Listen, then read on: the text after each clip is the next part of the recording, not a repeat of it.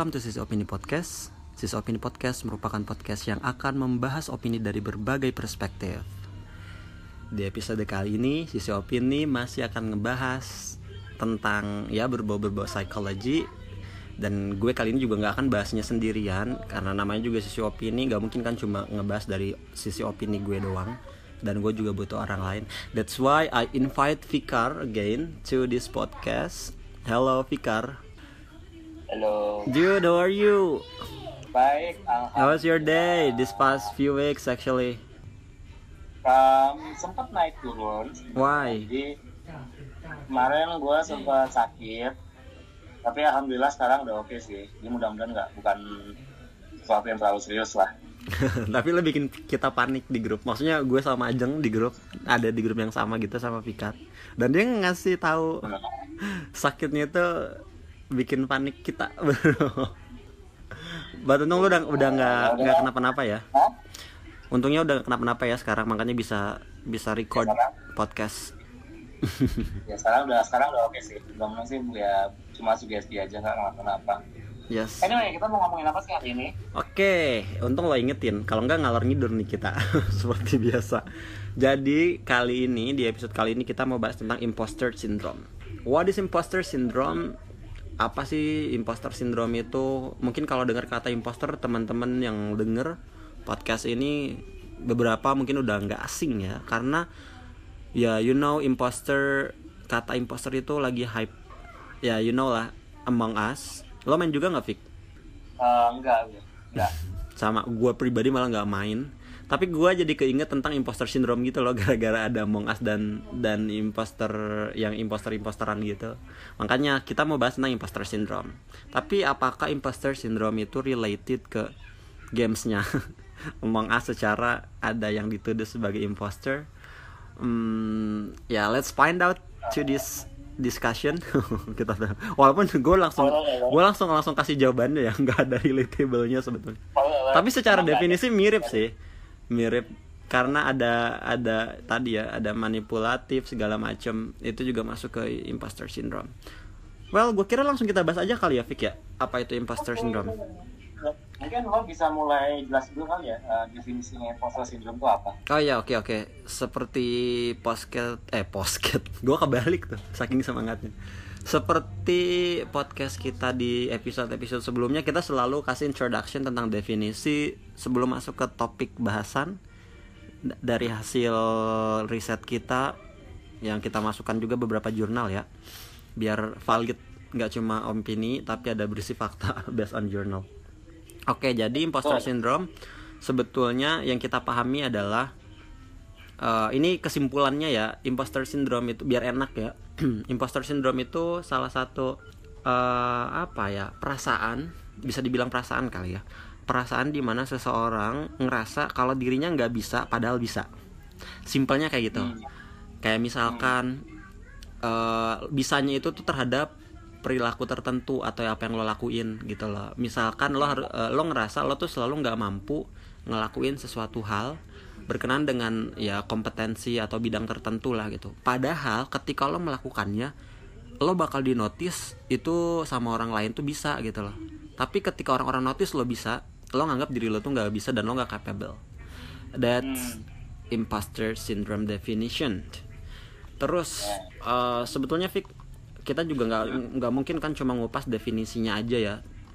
Eh, biar seru dan biar lebih dalam teman-teman yang dengar podcastnya tahu dan juga paham apa itu imposter syndrome. Tadi definisi, udah. Terus siapa aja sih yang bisa kena imposter syndrome ini? Apakah emang berbahaya? Terus kapan dan dan eh, apa ya? Kapan orang bisa ngerasain ini gitu? Mungkin bisa lo jelasin Fik. Oke, bisa, bisa banget, bisa banget. Sorry tadi gua uh, nguap dikit. Kayak masih ada simptom-simptom penyakitnya tuh. anyway, eh, jadi eh, untuk penjelasan siapa yang bakal bisa dapat imposter syndrome dan mungkin eh, simptom-simptomnya bisa dikutip dari artikel uh, Arlene Kukic dari verywellmind.com. Jadi menurut dia kira-kira di seluruh dunia ini 70% dari semua orang pasti pernah merasakan apa yang namanya imposter syndrome. Oke. Jadi ada kemungkinan besar 70% nih kalau- ya. Wow. Ya, jadi ada kemungkinan besar nih gue uh, si Jai pernah ngerasain, gue ngerasain, dan obviously kalian eh, para pendengar juga pernah ngerasain. Hmm. Mungkin kalian mau makan bakal mikir gini, ah emang bener ya gue pernah ngerasain. Coba kalian jawab pertanyaan-pertanyaan berikut. Kalau kalau kalian menjawab iya ke at least 80% pertanyaan ini, artinya kalian pernah merasakan apa yang namanya syndrome. Pertanyaan pertama, apakah kalian uh, terlalu menyalahkan diri Anda sendiri saat Anda melakukan kesalahan saat kerja? Pertanyaan kedua, apakah Anda mengatribusi semua sukses Anda dan semua pencapaian Anda karena keuntungan atau faktor eksternal? Tiga, apakah Anda sangat sensitif terhadap kritik membangun? Empat, apakah Anda merasa diri Anda sebagai seseorang yang tidak tidak asli? Atau Anda merasa bahwa apa saja yang kalian yang Anda lakukan itu adalah sebuah kepalsuan? Oke. Dan lima, dan lima, apakah Anda sangat merendahkan skill dan achievement Anda, walaupun Anda justru adalah orang yang paling bisa diandalkan? Oke, this this questions actually can apa ya? Bisa lo tanyain ya ke diri lo Hmm. sendiri. So, kalau misalnya kalian jawab iya ke ada lima pertanyaannya itu. Mhm. Kalau misalnya kalian jawab iya ke empat dari dari lima pertanyaan itu, itu artinya kalian pernah mengalami imposter syndrome. Oh, wow, wow, wow, wow. oke. Dan Sebetulnya kalau di diri Mhm. gue sendiri, gue jawab iya ke lima limanya. karena lo pernah ya pernah ngerasain imposter syndrome. Iya. Karena sebetulnya juga ciri-cirinya juga termasuknya ya kayak lo lo banyak meragukan diri lo. Terus juga lo selalu ngerasa tadi yang gue bilang ya, lo ngerasa selalu nggak punya capability untuk melakukan sesuatu kompetensi atau kemampuan tertentu ya. Padahal lo punya dan lo mampu. Hmm. Terus juga eh, lo selalu tadi ngerasa takut terhadap ekspektasi-ekspektasi tinggi orang lain kayak Hmm. gitu. Terus kayak lo malah jadi kayak ini kali ya, Vic ya, apa ya? Kayak ngesabotage kesuksesan lo sendiri gitu lah. Hmm. Tuh itu Kayak lo berkenaan dengan ngehambat- dengan imposter syndrome. Ngehambat sukses lo sendiri. gitu. Yap, jadi kalau misalkan gue tanya sebetulnya bagus nggak sih punya sifat eh bukan sifat deng, Eh, sebetulnya bagus nggak sih punya perasaan imposter syndrome? Em, sebenarnya ada bagus ada enggak tapi kalau misalnya lo eh, merasakan impostor syndrome terlalu sering atau kebanyakan lah ngerasain itu justru bakal merusak diri lo Betul betul, gue setuju. Karena waktu Jadi itu yang gue debatin sama Ajeng juga ini kan kayak Ajeng, oh ya by the way gue nggak nggak mention Ajeng di awal lupa. Harusnya podcast ini juga bertiga sama Ajeng karena kita diskusinya juga bertiga nih. Cuma Ajeng lagi berhalangan hadir, hadir cile udah kayak apa aja. Ya nggak bisa nggak bisa join eh, apa namanya rekaman hari ini. Jadinya ya udah kita eksekusi berdua. Nah gue tuh waktu pas pas brainstorming tentang tentang apa namanya tentang imposter syndrome sebelum konten ini kita buat eh, apa namanya script and etc-nya embel-embelnya untuk rekaman gue sempat debat dulu kan Pik sama Aj- Ajeng. Karena gue ngerasa imposter syndrome itu tuh yang gak manipulatif. I mean nggak merugikan gitu loh justru itu nge- ngejaga lo dari orang-orang yang dalam tanda petik punya niat jahat sama lo gitu loh. Karena ya in society kita selalu menemukan ketika kita unggul dari orang lain orang-orang tuh pasti ngerasa iri terhadap diri kita. Terus juga orang-orang juga ngerasa yang ngerasa tersaingi gitu loh. Nah dengan lo keep keep apa ya keeping this this imposter feeling or imposter syndrome through your mind through your ya dalam diri lo gitu ini bisa ngejaga lo dari orang-orang kayak gitu. Makanya lo kayak keep keep apa ya? Kayak tetap tetap ngerasa kayak nggak showing up something padahal lo bisa lo nganggap nggak bisa gitu loh. Tapi ternyata menurut Ajeng itu jadi manipulatif gitu. Karena tadi lo nggak nganggap diri lo capable padahal lo capable. Tapi lo secara sadar ngelakuin itu. Sedangkan imposter syndrome enggak ya Fik ya? Ya lo emang lo emang nggak notice kalau lo mampu gitu loh. Nah yang tadi gue notice itu sebetulnya kayak kayak apa ya kayak ya nggak ya real- ya imposter syndrome tapi tapi lo lebih ke nggak notice gitu loh yang beneran imposter syndrome. Gitu. Jadi manipulatif nggak Fik? Em, secara bilang manipulatif mungkin enggak ya tapi apakah ia menimbulkan rasa bahwa lo memanipulasi orang atau lo menipu orang? Iya betul Mhm, itu yang awalnya gue nggak setuju tapi ini gue setuju dari Ajeng Jeng andai kan lo ikut ya ngomong-ngomong ajeng ya mungkin kita bilang happy birthday ya Oh iya, hari ini dia ulang tahun. Eh besok besok Iya. besok. Kita ngucapin duluan ya. Ya. Happy birthday Ajeng. Semoga Ajeng denger. Kalaupun enggak kita paksa buat denger. Mudah-mudahan ini podcastnya juga gue bisa edit cepet ya. biar Iya. biar pas kalau bisa besok. Oke, jadi Ajeng ulang tahun tanggal 8 guys dan kita ini rekaman di tanggal 7 November 2020. Gitu. Oke, lanjut Fik. Konten buat Uh, Ajengnya gak usah banyak-banyak.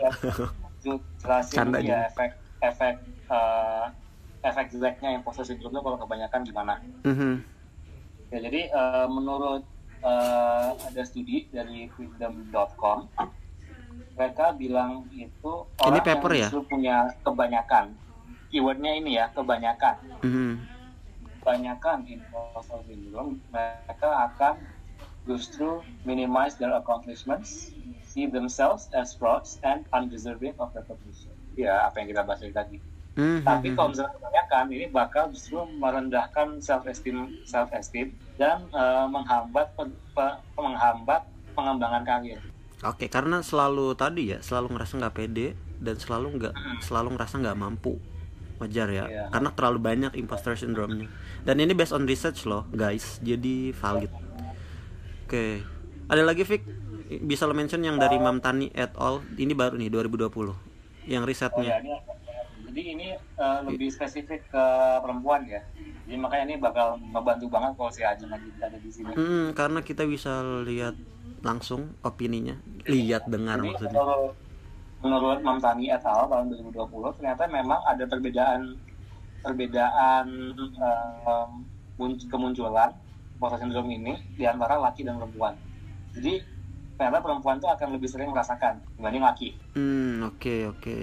Jadi inilah kenapa kok eh, bisa dilihat misalnya di posisi tinggi-tinggi ya kayak CEO gitu-gitu kenapa kebanyakan kebanyakan kebanyakan cowok dibanding cewek atau Mhm. kenapa kok orang bisa percaya gaji cowok lebih tinggi dibanding gaji Yep. cewek ya itu karena cewek lebih kurang percaya diri untuk minta naikin gaji.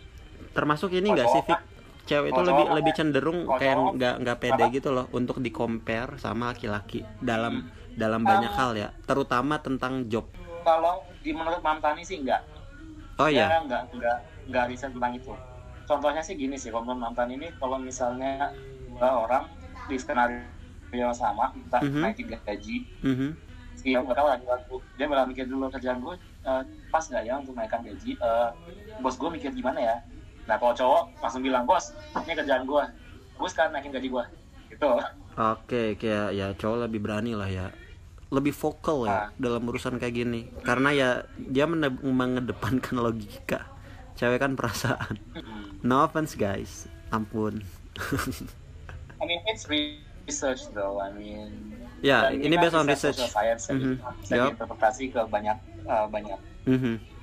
Agree. banyak perspektif lah Yap, yap, yap. Oke, wow. Jadi ya sebetulnya imposter syndrome ya sah-sah aja sih kalau lo ngerasa mengalaminya maksud gue kayak gitu. Cuma tadi kadarnya kalau terlalu banyak ya juga nggak baik juga gitu loh. Nah, sekarang balik lagi ke yang ini Vic, yang gue bilang tadi. Apakah imposter syndrome ini manipulatif atau enggak? oke apakah imposter syndrome ini manipulatif atau enggak Menurut lo gimana?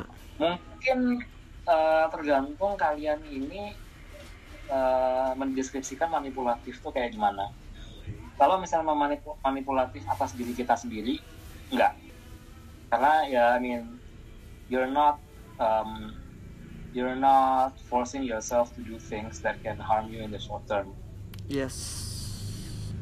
Tapi apakah ada akan ada perasaan bahwa Anda memanipulasi atau mem- membohongi orang lain? Pastinya iya. Keywordnya ini ya, merasakan. Jadi Iya. bukan berarti kalian beneran bohongin orang. Hmm, I see, I see. That's what I've told before. Kalau kalau dia tuh kayak dia ngerasa nggak mampunya itu ya emang beneran beneran dia ngerasa begitu gitu loh, bukan dibuat-buat. iya kan Hmm. makanya kayak ya gitu yang tadi lo bilang ya dan justru malah ini kayak malah bikin diri lo sendiri down kan atau kayak lo jadi nggak mampu Mhm. merasa diri lo nggak mampu padahal sebenarnya lo bisa betul betul betul dan dan apa ya kalau dibilang kalau dari gue sendiri ya Fik ya kalau dibilang manipulatif atau enggak tadi? Be- tergantung perspektif mananya dulu. Kalau perspektif si orang yang ngerasainnya menurut gue ini nggak manipulatif. Hmm. karena lo nggak apa ya kayak, kayak lo tahu lo ngerasa tadi ya keywordnya sama merasakan. Lo ngerasa kan lo beneran nggak mampu gitu loh. Bukan lo ngerasa mampu dan kemudian bilang nggak mampu. Itu menurut gue baru manipulatif diri lo juga. Ya. kayak gitu. Tapi ini lo beneran ngerasa kalau lo tuh nggak mampu gitu loh Hmm. pure lo nggak ngebohongin diri lo. Itu sampai gue tegesin ya lo nggak ngebohongin perasaan lo tentang ke- ketidakmampuan lo gitu loh. Cuma ketika melakukan emang orang-orang bakal notice kalau lo itu mampu. Karena kebukti bisa misalkan lo pakai contoh deh ya biar enak ya. Misalkan lo diminta ngerjain salah satu tugas di di di finance lah reporting gitu misalkan ya laporan keuangan atau laporan penjualan laporan pembelian etc lo ngebuatin bikin rekap segala macem. Tapi eh, apa namanya lo bukan dari dari background katakanlah ya akuntansi atau yang related ke ke bagian eh, finance job positionnya. Tapi ketika lo melakukan itu ya lo bisa. Bisa dalam artian tanggung jawab yang dikasih ke lo itu lo bisa lo selesain. Dan orang yang ngasih kepercayaan itu kalau lo bilang ya itu buktinya lo mampu gitu loh. Nganggap kalau lo ya bisa bisa melakukan itu tapi diri sendiri lo selalu bilang aduh gue nggak mampu ngelakuin ini gitu loh. Karena harusnya apa yang gue lakukan tadi itu dilakukan oleh orang-orang eh, misalkan jurusan akuntansi atau etc gitu loh. Itu. Dan lo ngerasa begitu tuh karena pure lo ngerasa diri lo kayak gitu beneran. Bukan bukan apa ya. Bukan kayak lo ngerasanya lo mampu tapi lo bilangnya nggak mampu gitu loh. Nah ketika orang tadi notice yang ngasih tugas lo notice ya let's say atasan lo dia bilang ke lo kayak tuh lo da- dari bukan dari jurusan misalkan ya bukan dari jurusan akuntansi aja mampu ng- ngurusin finance bla bla bla gitu. Terus lo bilang bilang oh sebetulnya saya saya juga apa ya bisa juga karena karena apa ya kayak karena belajarnya ekstra ekstra keras bla bla bla dan harusnya saya nggak nggak bisa apa ya harusnya gue nggak ngelakuin ini gitu kasarannya kayak gitu tapi si orang ini percaya kalau misalkan ya lu lu bisa kok sebenarnya lu bisa gitu loh cuma lo lo nya aja yang ragu gitu loh dan dan gue ngelakuin itu karena terpaksa gitu loh si orang yang dikasihnya ya Fik ya Bentar, bentar. Gua bilang tadi gue yang ngerasain. Jadi ini emang eh, eh, pengalaman lo sendiri. enggak gue nggak bilang ini pengalaman gue ya Oke. ada thank you lah Fik Hmm. ya enggak ini itu contoh doang gitu maksudnya ya intinya kayak tadi yang gue bilang definisinya ya orang ngasih tanggung jawab ke lo lo melakukannya bukan bukan bukan apa ya kayak ya ya ngelakukan based on your responsibility to to do that kind of job tapi akhirnya lo bisa bahkan mungkin kayak ke notice bagus gitu dan orang anggapnya ya lo emang emang emang punya skill di sini gitu atau atau lo punya kompetensi untuk ngurus eh, ngurus ini. Tapi ketika di di apa dilontar eh, di- itu orang itu ngelontarkan ke lo kan. Tapi lo bilangnya oh gue emang gue gue nggak bisa kok sebetulnya gitu. Ini gue karena responsibility aja akhirnya gue melakukan gitu loh. Kalau di ini ini gue nggak bisa gitu. Kalau nggak dibimbing atau nggak diarahin lo gue nggak bisa misalkan kayak gitu. Padahal tanpa diarahin si bosnya atau si atasannya aja pun dia bakal tetap bisa ngelakuin itu loh Vic. Cuma dia nggak pede aja. That's what I mean eh, apa namanya ngerasanya itu nggak bisanya tuh kayak gitu. Ya dia beneran ngerasa nggak bisa. Bukan yang dia bilang oh gue dia bilang gini bilang nggak bisa tapi dalam hati ya gue emang bisa gitu. Gitu makanya gue bilang itu nggak manipulatif ke diri sendiri tapi manipulatif ke orang lain kenapa?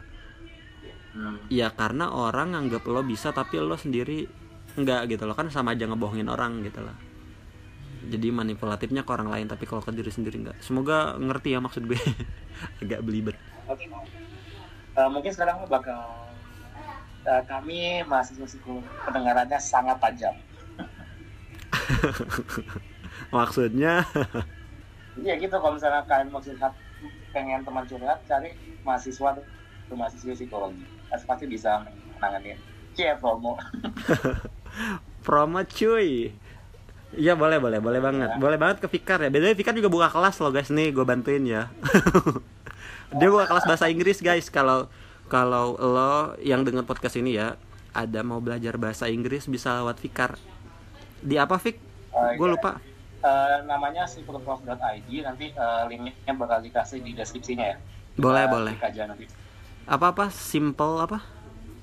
superprof.id Oh superprof.id. Nah nanti cari aja Zulfikar Mirza ya. Ya, nama apa Zulfikar Ilham Mirza Ya. Nanti, atau Ya. nanti tinggal klik linknya aja nanti ada di Boleh. deskripsi, deskripsi podcast ini boleh banget ya yang mau enhance English skills atau yang mau kerja dan butuh TOEFL etc-nya bisa banget kontak Fikar.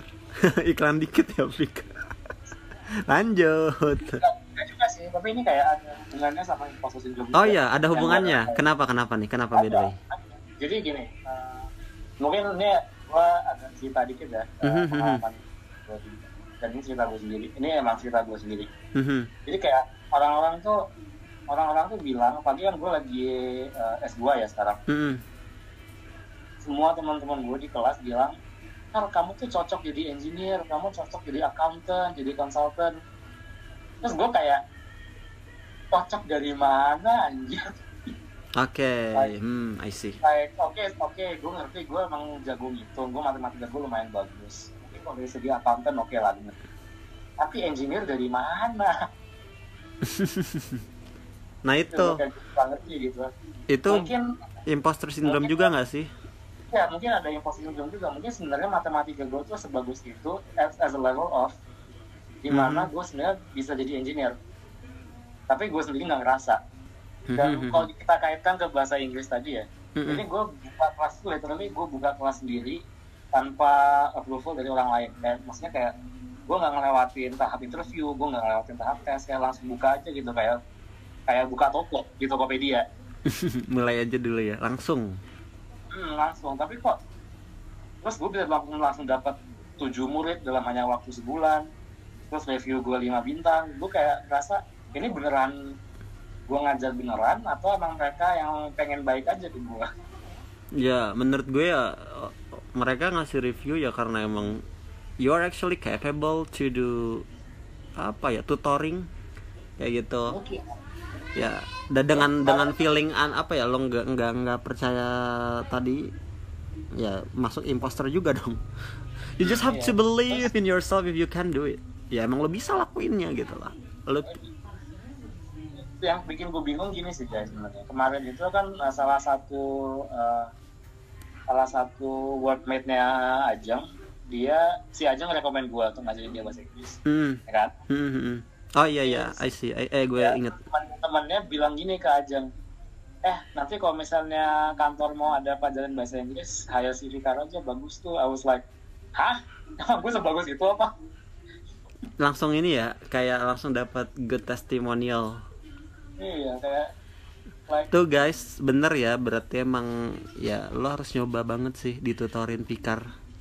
Kayak se- kayak apa namanya? Kayak selebgram yang selalu bilang, ya emang sebagus itu, cile. gue udah cocok, udah cocok jadi endorser endorser itu gitu. mau meninggal apalagi. Mending Gue cocok gak sih nge endorse endorse gitu, Fik? Nggak cocok sih kayaknya. Um, no comment. No comment. Thank you. Oke. Kita balik lagi ya ke manipulatif tadi atau enggak. Jadi ya tadi ya kalau manipulatif atau enggak tergantung dilihat dari si orangnya atau si maksud gue si orang yang punya imposter syndrome-nya atau uh, orang-orang di sekelilingnya. Gitu. Mungkin gue tambahin lagi ya untuk manipulatif, eh, manipulatif manipulatif ini. Mhm. Ada sebenarnya ada satu lagi eh, fenomena psikologis yang kita benar emang merendahkan diri sama seperti eh, imposter syndrome.